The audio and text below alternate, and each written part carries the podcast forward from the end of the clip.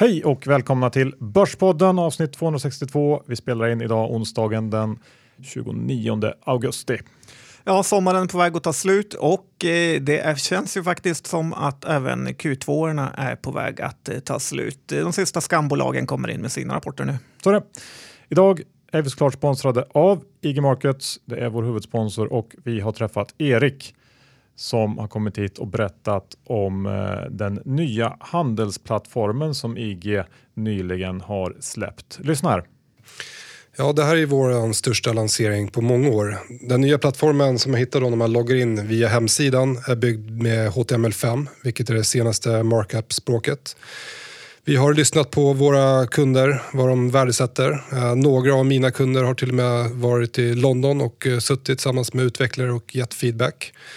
Resultatet har blivit att det är färre klick till att lägga ordrar. Grafer, bevakningslistor och andra funktioner är betydligt mycket snabbare idag. Det finns också många nya smarta funktioner och eh, nyhetsflödet i realtid det står Nyhetsbyrån direkt för. Eh, så det här är en eh, suverän plattform som är betydligt mycket snabbare med nya funktioner och eh, helt kostnadsfri för alla kunder. Tack för det Erik. Ja, det är väldigt kul att de har tagit in kunderna så de får hjälpa till med att få in alla funktioner man vill ha. Ja, så gå in och kika på den och kom ihåg att CFDR innebär risk, hög risk, så tänk på det när ni handlar. Ja, så är det. Ja, vi är också sponsrade av Lendify John. Ja, det är vi och eh, jag vet inte om alla riktigt har fått upp ögonen för hur bra det här med Lendify är. Hur bra blankolån faktiskt är för en investerare att investera i. Jag tänker på alla miljarders miljarder som ligger i nollräntefonder. Eh, man kanske skulle vara något att titta på Lendify då istället där man faktiskt får en väldigt bra avkastning med amortering och ränta, kassaflöde varje månad och det gillar man ju som investerare. Ja, och vill man ha en flygande start då kan man gå in på lendify.se börspodden. Gör man det och stoppar in minst 10 000 kronor som man investerar, då får man 500 kronor extra eh, att kicka igång sin Lendify-resa med, vilket är bra. Ja, då snackar vi räntefond deluxe. Det tar väl fem år att få den avkastningen där. Ja. Idag blir det ett helt vanligt avsnitt. Det är några rapporter som Säg inte helt vanligt Johan, det gör mig redan där besviken Nej, på dig. Det blir inte ett helt vanligt, men det är en del rapporter som kommit in. Det har hänt en del saker i eh, kanske framförallt de mindre bolagen. Uh, ja. ja, jag plockar fram ett helt gäng mikrobolag som ska bli kul att snacka om. Ja, så att, uh, vi kör igång helt enkelt. Johan Dr. Bass i Saxon, index 1672 och eh, ja, det kan inte vara vidare roligt att vara eh, bassad nu. Nej, det är det ju såklart inte. Eh, vi är per igår upp tio dagar i följd. Just nu är vi också upp lite grann så det är väl elfte dagen i så fall och vi har faktiskt bara varit upp tio dagar i följd tio gånger sedan slutet av 80-talet. Så att det här är ju en exceptionellt stark marknad vi har haft eh, på slutet här. Ja, det är lite som de är på kasinot. Har det varit eh, rött tio gånger i rad så är det bara att betta på svart och dubbla upp för varje gång det blir fel. Ja, det är som man får göra helt enkelt. Och eh, jag antar att nu när man tittar tillbaka så här på sommarens Q2 så gav väl de egentligen ingen anledning att känna någon större oro för, för konjunkturen och den här handelskrigsretoriken eh, som vi hade i början på sommaren och våren har ju nästan helt försvunnit, vilket väl fått igång riskviljan eh, ganska rejält igen. Och sen får man inte heller glömma att kronan fullständigt har havererat på slutet där. Jag börjar själv få lite panikkänslor när jag tittar på, på eh, USD-SEK eller Euro-SEK nu. Eh, det här känns ju som att det måste få ett slut på något sätt. Ja, staycation blir ju en ny innebörd. Det är inte kul att åka utomlands nu. Nej, så är det. Eh, men med det sagt så jag är ju lite inne på det här att det borde komma en uh, svart efter rött nu snart så att värderingarna börjar också bli ganska mastiga här och var, eller hur? Ja, men så är det. Och jag får en känsla av att det här har spridit sig, att folk har tappat fotfästet vad gäller värderingar. Eh, det blir inte heller konstigt för att ju dyrare börsen blir, desto svårare att hitta vettiga case och eh, då i den här jakten så får man börja leta på farligare och farligare jaktmarker. Eh, och då tänker jag kanske på tidningar och andra som egentligen måste ha något att skriva om varje dag. Buffett säger att man kan ju vänta på och när man vill svinga bollen, här baseballtermen, men det kan ju inte tidningarna utan de måste i princip svinga i varje nummer. Jag tänkte extra på det när jag läste Affärsvärldens senaste senaste case som var att köpa Mips, det här hjälmbolaget eller Mm. specialgrejen i hjälmen. Och eh, analysen skrev då att om Mips fortsätter växa med 40 pro, 45 procent per år eh, och kan behålla sina jättehöga marginaler så är det P22 2020. Och eh, det känns ju lite sådär att om allt går precis rätt, eh, vilket det tidigare verkligen inte gjort med olika patentkrig och så vidare. Men om allt gör det, så om två år så har du Mips till eh, P22 och ja, det måste finnas bättre alternativ än det. Ja, Det är inte så det vattnas i munnen direkt kan man tycka. Ja, Ändå har jag mycket salivutsöndring. nej, jag håller med. Det kan faktiskt det kan vara värt att fundera lite extra innan man kastar sig in just nu i alla fall. Eh, sen har jag noterat att det är lite stök inom den svenska bettingvärlden just nu, John. Ja, det är ju farligt för Ja. eh, de bolagen Ja, som men, eh, finns många på Stockholmsbörsen. Ja, i, i Cherry så fick ju två styrelseledamöter i veckan lämna sina poster efter misstanke om insiderbrott och det här är ju alltså kopplat till eh, samma härva som den före detta vdn Anders Holmgren sitter i. Känns eh, inte jättekul där tycker jag. Ja, man undrar ju om de inte hade gjort den här eh, omvända vinstvarningen så hade förmodligen här härvan aldrig läckt ut. Så att, eh, ja, det måste vara rätt sura miner lite här och var. Ja, och eh, i, igår kväll så eh, gick ju Catena Media huvudägarna Optimizer Invest ut och eh, lättade ganska rejält på innehavet. Och här skulle jag nog också fundera eh, en och två gånger om jag ägde den aktien. Henrik Ekdahl Persson och Optimizer då var ju, tycker jag, en stor andelning att eh, äga den här aktien och med dem på väg bort så känns det mindre kul. Eh, ja, Nej, det är lite läskigt med när placingen görs på 106,50 och den handlas nästan under 100-lappen. Så att, eh, det är lite synd känner jag faktiskt för de aktieägare som eh, har varit med in i det här och direkt tappar en 10-15 procent. Ja, och för att avsluta den här spaningen så åkte ju även Betsson på böter i Holland efter att man då erbjudit spel till kunder i landet och det får man inte i väntan på att det ska regleras. Eh, bolaget själva verkar inte tycka att det här är någon stor grej, men personligen så tror jag att det kan bli tufft att få en licens när marknaden väl ska regleras om ett par år. Då tror jag inte att myndigheterna tycker eh, att eh, de som misskött sig eh, ska belönas med licens. Vi får se hur det blir. Men oavsett så är det otroligt klumpigt hanterat av bolaget och man ska komma ihåg att Holland står för jag tror det är 30% av ebit för Betsson så att det är ingen liten oviktig marknad heller. Ja, Ja, Det är intressant med att i princip alla spelbolag i hela världen har misskött sig i Sverige och disrespekterat reklamförbudet och att få vara, lägga spel här. Men här är det inget som de oroar sig för. Nej, men här har väl liksom alla gjort det på något sätt och eh, Sverige har ju varit väldigt slapphänta och inte riktigt brytt sig känns det som. I Holland så har det varit betydligt hårdare och eh, det är väl egentligen väldigt få som har eh, fortsatt att erbjuda spel, så det är lite skillnad. Men visst, eh, jag kan hålla med om att det är lite konstigt också. Ja, kul för Bodenholmannen som var kort Betsson. Ja, nu har det i och för sig inte gått ner så mycket, vilket jag också tycker är konstigt. Eh, Ägde jag Betsson så skulle inte jag gilla det här, men men. Vi, får följa upp det. Eh, Jag tänkte gå över till eh, eh, Johans eh, pressmeddelandeskola, John, som jag har då och då. Ja, kul. Får man anmäla sig? Ja. Ni- 9,95 för eh, en helg. Vi kan köra, Kursgård, vi lunch, kan middag. köra en, en gratis lektion först så får vi se om du tycker att det är värt att gå hela. Eh, En teaser. precis, för att jag brukar ju då och då ta upp varnande exempel på hur man inte ska göra när man är ett noterat bolag och skickar ut PM.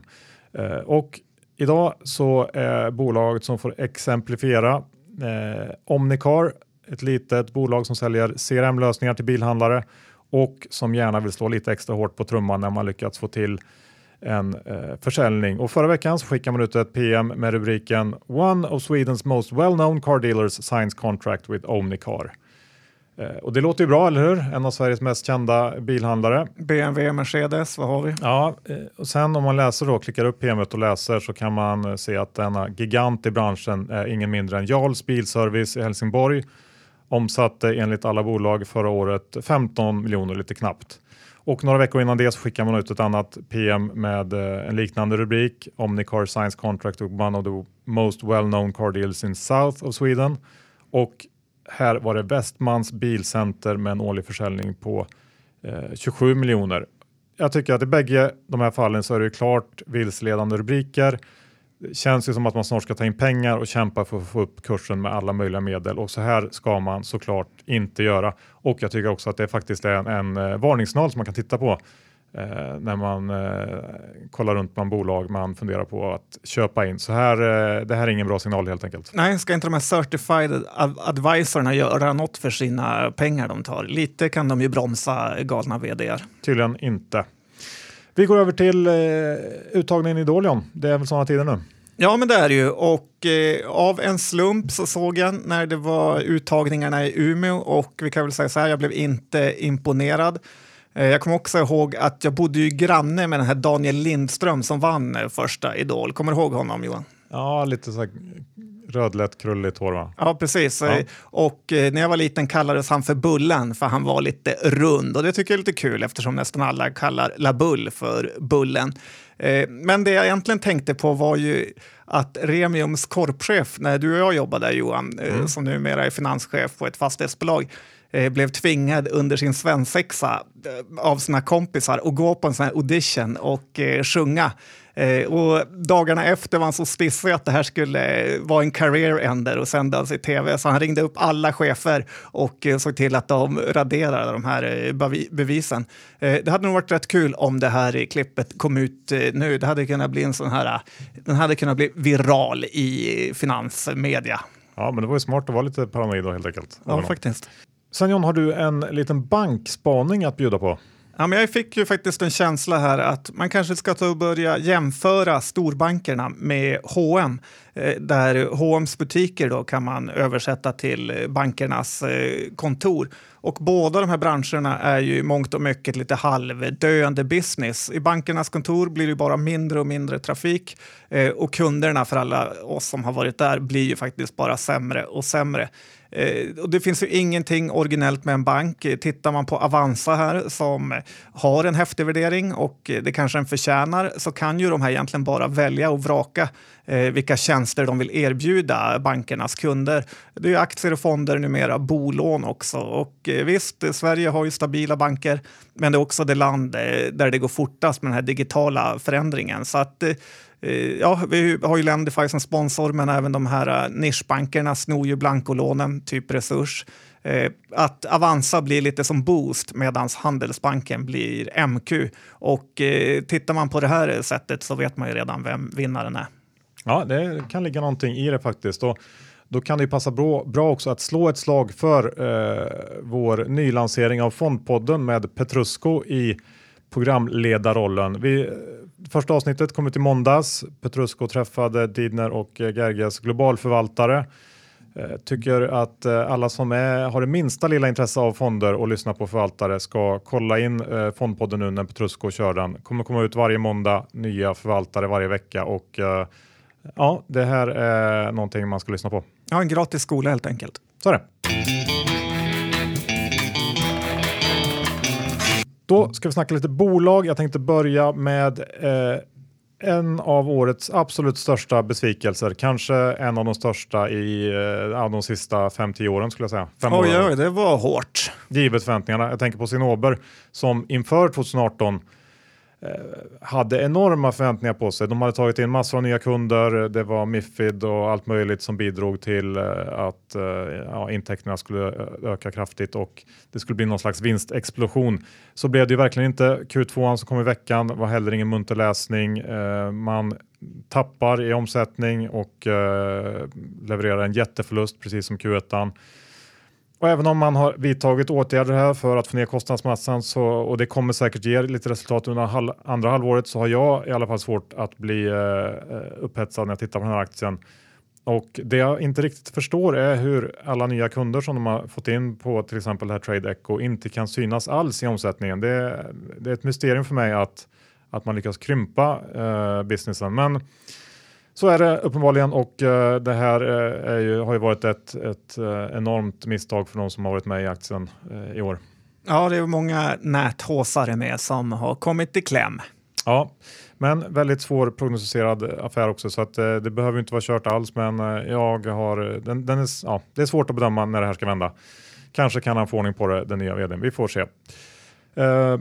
Research är också ett bolag jag tänkte ta upp lite snabbt har också rapporterat i veckan och eh, här känns det ju lite som att man kan titta på Elektas utveckling för något år sedan för att få någon slags facit. Eh, händelseförloppet är ju väldigt snarlikt med något års lagg. Det är samma typ av bokförings problematik kanske man kan säga som blankarna siktar in sig på och nu har det också kanske vänt för Racers precis som det gjorde för Elekta. Lite sådär obemärkt att eh, hux flux så hade man eh, jobbat sig igenom det och eh, ja, det vände. Eh, för även om den här rapporten innehöll stora aktiveringar och, och en rejäl valutamedvind så fick man faktiskt ordentlig fart på orderingången. Den var upp nästan 50% på årsbasis och eh, aktien tog ett rejält kliv uppåt. Den var ju nere på 100-lappen här eh, tidig sommar och nu eh, nästan på 150 så att den har studsat upp rejält. Blankningarna har också minskat eh, kraftigt och eh, ja, även om det finns några eh, frågetecken kvar såklart så, så känns det som att man har sett botten i Research.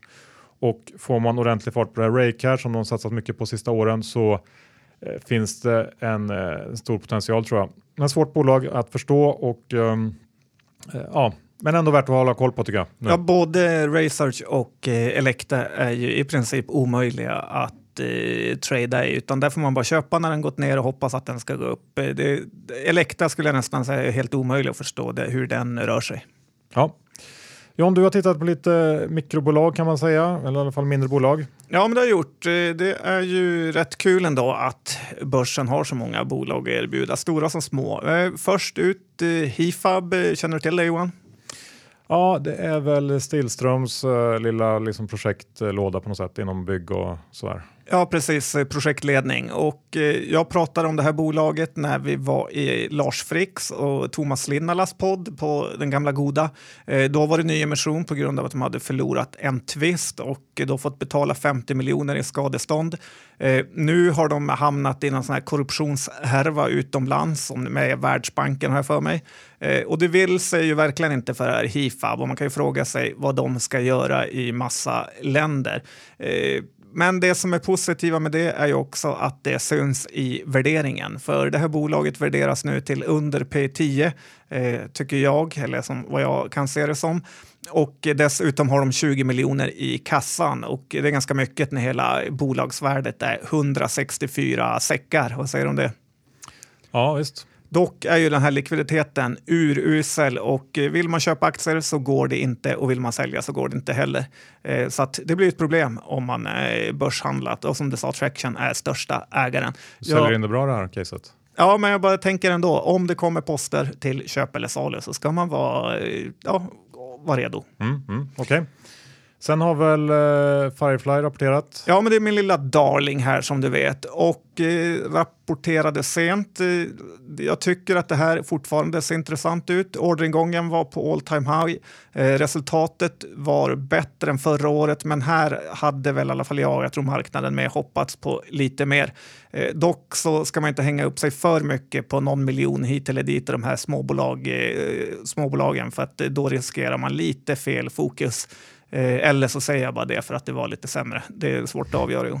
Eh, men tittar vi på resultatet rullande 12 månader så har de tjänat 22 miljoner, 19 miljoner i kassan och ett börsvärde på 290. Och det ger ju den klassiska ev-ebit-multipeln på 12 och det är väl inte jättedyrt kan jag tycka här. Eh, när man ändå hoppas på den här uppsidan med lite tunnelordrar och att orderstocken ska ge dem lite fart. Så att jag behåller och även ökar lite med, i min portfölj. Ja, det ser man. Ja, nej, det kanske inte är jättedyrt, eh, men man får väl verkligen hoppas på att det ska komma in någon sån här stor eh, eh, infrastrukturorder från någon tunnelprojekt och sånt. Annars är det svårt att säga att det ska bli så mycket dyrare också, kan jag tycka i alla fall. Eh, jag hade nog eh, trott att de skulle prestera lite bättre i Q2, men men, Du hoppades ju på det Johan, att Ja. det skulle prestera jag sämre. säga det istället. Hoppas. Så blev det inte. Eh, ska vi gå över till eh, det här Medic Anatomin som är någon slags krämbolag.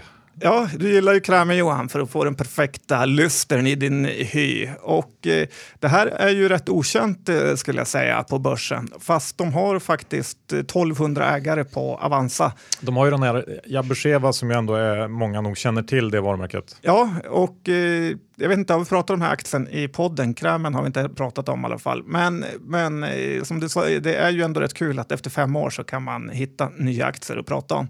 Eh, förutom Jabushé-krämen så har de de här eh, kostpreparat, lite liknande New Nordic kan man väl eh, säga. Eh, de har ju haft en väldigt bra utveckling när de har fått det har blivit någon hype på Jabuché-krämen eh, i Kina. Eh, och det har blivit jackpot för Medica. Men de verkar också vara duktiga på att ta betalt för den här bruttomarginalen är hög och kassaflödet är bra. Eh, tillväxten har ju varit extremt eh, bra eh, sista tiden på grund av de här ordrarna. Och eh, multiplarna också ganska, vinstmultiplarna också låga. Jag tror väl att marknaden ändå är lite orolig för att de är lite för beroende eh, av just den här eh, produkten.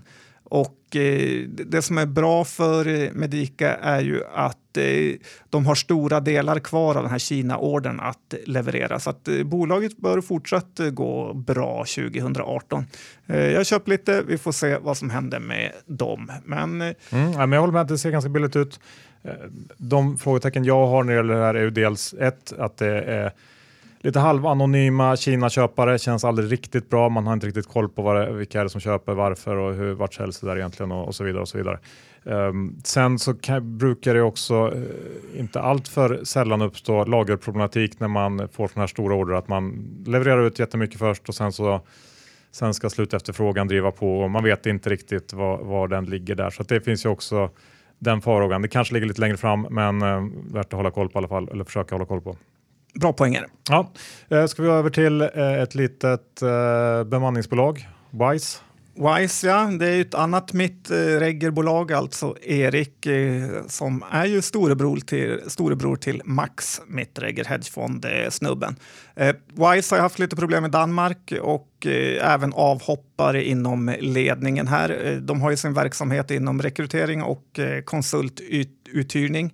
Eh, lite konkurrenter kan man väl säga till SJR. Eh, kan väl tycka att Wise är lite mer avancerade också där de säljer någon typ av eh, program för eh, HR-avdelningar också. Bra balansräkning och kan dela ut eh, mycket pengar. Samtidigt är det svårt att se någon rejäl uppsida här förutom eh, att det kan vara ett bra bolag i en utdelningsportfölj där direktavkastningen är 5,5 procent. Men eh, som sagt, det är högkonjunktur och det är inom rekrytering så att eh, multiplarna kommer nog inte gå upp jättemycket här. Nej, jag håller med dig. Och sen hade du till bolag på listan Consilium som eh, Bråse lite omotiverat kan man tycka skickade upp eh, i skyarna här innan sommaren. HC Bråse, ja det var ju, vet inte om han, eh, inte om han gick på något då, för det är inte vanligt, han skriver köp, köprekar. Eh, men det här är ju ett eh, fartygsbrandföretag kan man väl säga och eh, eh, jag tro, Bråse trodde på dubbling, skrev han. Jag tror ju mer på kanske halvering. Eh, och rapporten kommer gå. Jag tycker ju att Consilium återigen visar varför man är ett sånt dåligt eh, företag. Eh, de gör 55 miljoner i ebita-resultat och det låter ju ganska bra, men vinsten per aktie slutar i negativt resultat. Och eh, jag har alltid svårt för bolag som jobbar hårdast för banken. Eh, konsilien betalar nästan 20 miljoner i finansiella kostnader som de har där och det lämnar ingenting kvar till aktieägarna. Och det blir den här typen av företag, typ eh, Gunnebo och så. De eh, eh, lyckas aldrig leverera i längden något shareholder value. Så att då är det lika bra att eh, stå utanför. Ja, håller nog med där. Jag kan väl också slänga in en liten avslutande microcap-diadrom. de har också rapporterat. Känner du till bolaget? Ja, den eh, har jag varit till och med ägare i på, för något år sedan. Ja, jag har också varit ägare. Jag var ägare när de gick in på börsen strax innan finanskrisen. För mig att det var. Eh, hur som helst, de kom med en ganska dålig rapport får man nog säga. Det här är ett bolag som har varit uppåsatt då och då, men som inte Eh, riktigt levt upp till förväntningarna får man nog säga. Man rider på den här autotech-vågen med självkörande och eldrivna bilar och är en blandning av konsult och produktbolag. Och problemet här är att produktaffären där man säljer system för diagnos och kvalitetssäkring har väldigt långa införsäljningscykler. Det gör att intäkterna där är svårprognostiserade och eh, ja, blir, det blir lite ryckigt helt enkelt. Och det är inte svårt att se potentialen i det här, men det verkar inte riktigt släppa och jag undrar om det är så att man har svårt att få till ordentliga affärer på grund av sin storlek, vill verkligen stora biltillverkare eh, köpa system av det här lilla pluttbolaget i Göteborg. Eh, vi får se, men aktien har tappat en hel del i år. Det kan vara värt att hålla koll på den, men det är fortfarande upp till bevis i min bok för Diadrom. Ja, det blir någon typ av one hit wonder för de här bolagen. De får till ett bra kvartal och sen kan de inte leverera upp eh, på det på flera år. Nej, men det kan ju vara, vara, är man insatt och kan bolaget bra så kan man ju använda det till sin fördel faktiskt. Insider-trada menar du? Nej, men, men uh, sälja när förväntningarna är för höga och köpa när de är för låga. Mm, ett bra tips. Enkelt. Sen måste vi ju säga några ord om Kopparbergs. Uh, det var upplagt för en riktig dunderrapport uh, igår var det va? och även om omsättningen steg lite grann, dryga 10 tror jag resultatet upp 17 så var det ju en rejäl besvikelse. Eh, aktien tappade också, men eh, det, inte, det, var inte mycket den tappade det, givet. Man ska komma ihåg att det var en enorm medvind de hade. Det var dels fotbolls-VM, det var väder, pundet, eh, egentligen allt som eh, kan gå rätt gick rätt och eh, jag tycker att eh, justerar man för det så måste man säga att det här var ett riktigt bottennapp och man började fundera på om Kopparbergs inte har sett sina bästa dagar. Eh, de hade en period när man var ganska unik med den här sidan men det finns numera massor av konkurrenter och man har inte heller särskilt, eh, hittat på särskilt mycket nya innovativa saker själva så att eh, ja, det är väl John Scott då som man har längst fram som innovation och det räcker ju inte. Nej, verkligen inte. Kopparberg, man får komma ihåg att aktien stod ju 200 för inte alls länge sedan och har väl späckats upp på just den här varma sommaren och fotbolls och så vidare. Och eh, burkarna är ju för taskiga får jag säga. De måste, det är liksom att Byggmax, ja, Byggmax 2.0, de måste uppdatera eh, sin layout för att det ser inte bra ut. Och eh, Nej, den här jätte, jättesöta sidan känns ändå som att den har gjort sitt. Eh, jag eh, tror inte att den kan prestera mer från den här nivån. Nej, och man får nog säga att de, de rimligtvis var det nog så att de tappade eh, marknadsandelar under sommaren här. Sen kan man också lägga till att eh, Peter Bronsson var ju Bronsman, vad heter han? Mm. Bronsrand. Var, Bronsman. Ja, just det, så var det. Eh, han var ju ute och håsade aktier med och skrev att och sa att det var en extremt bra sommar. Så det, det gjorde också att man hade högre förväntningar. Ja, verkligen. Eh, bra. Sen tänkte jag säga några ord om Clas Olsson som kommer med rapport om en vecka exakt. Eh, den här aktien har gått oväntat stark under sommaren från 65 till en bit över 80 här i början av veckan. Och eh, jag har rätt svårt att förstå varför, även om, eh, om man tittar på, vi har ju lite försäljningssiffror, så även om det, det har rullat på okej okay, och man har haft en del valuta med, medvind så vet vi också att eh, Clas Ohlson körde en hel del kampanjer i samband med sitt 100-årsjubileum här i början av kvartalet. Det kommer att kosta pengar, belasta marginalen och dessutom så har vi den här nya strategin som innebär att man lägger en 2% av omsättning på att driva eh, online och, och digitalisering. Eh, så att eh, vinsten kommer ju helt klart eh, pressas i kvartalet och lyfter man blicken lite så står ju onlineförsäljning för en försvinnande liten del av totalen. Det är väl en handfull procent kanske och samtidigt så sitter man fast med ett förhållandevis stort butiksnät som ganska snabbt kan bli en stor huvudvärk tror jag. Eh, och givet den, eh, den vyn som jag har så tycker jag att aktien fortfarande är alldeles för dyr på P16 någonstans för innevarande år som då börjar eh, här i höst. Eh, det är en stor premie mot peers och det har jag väldigt svårt att se varför det ska vara motiverat. Blankningsläge? Ja, eh, jag är sugen på att gå kort. Nu kom det en säljrek i morse så den droppade 2-3 procent. Men, Då eh, förstördes hela caset? Nej, nej, men det är ändå tråkigt. Eh, men jag kan tänka mig att gå kort eh, inför rapporten här om en vecka. Vi, vi får se. Det är väl andra som har tänkt samma sak gissar jag, så att um, det kanske inte eh, pengar på banken, men eh, jag har svårt att se över en längre period att det här ska vara bra. Eh, de här butikerna tror jag kommer att bli liksom, eh, fruktansvärda att dras med framöver. Vem är det egentligen som fyller 100 år? För det kan inte vara företaget. det är Klas.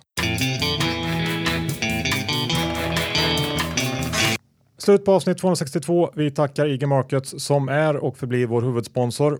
Ja, till nu och evigheten, vem vet. Men det är ju väldigt, väldigt kul att eh, de har en sån här plattform som kunderna fått vara med och utveckla. Och eh, ja, ladda ner den så är den ju gratis, direktnyheter, allt möjligt gosigt. Ja, inga konstigheter. Och är ni sugna på att testa Lendify, gör det då med länken lendify.se börspodden. Stoppar man in 10 000 kronor minst, då får man 500 kronor extra att investera och det är en bra deal. Ja, verkligen. Prova det här nu istället för att ha alla nollräntefonder som inte ger ett jota. Ja. Hur är det med våra egna innehav?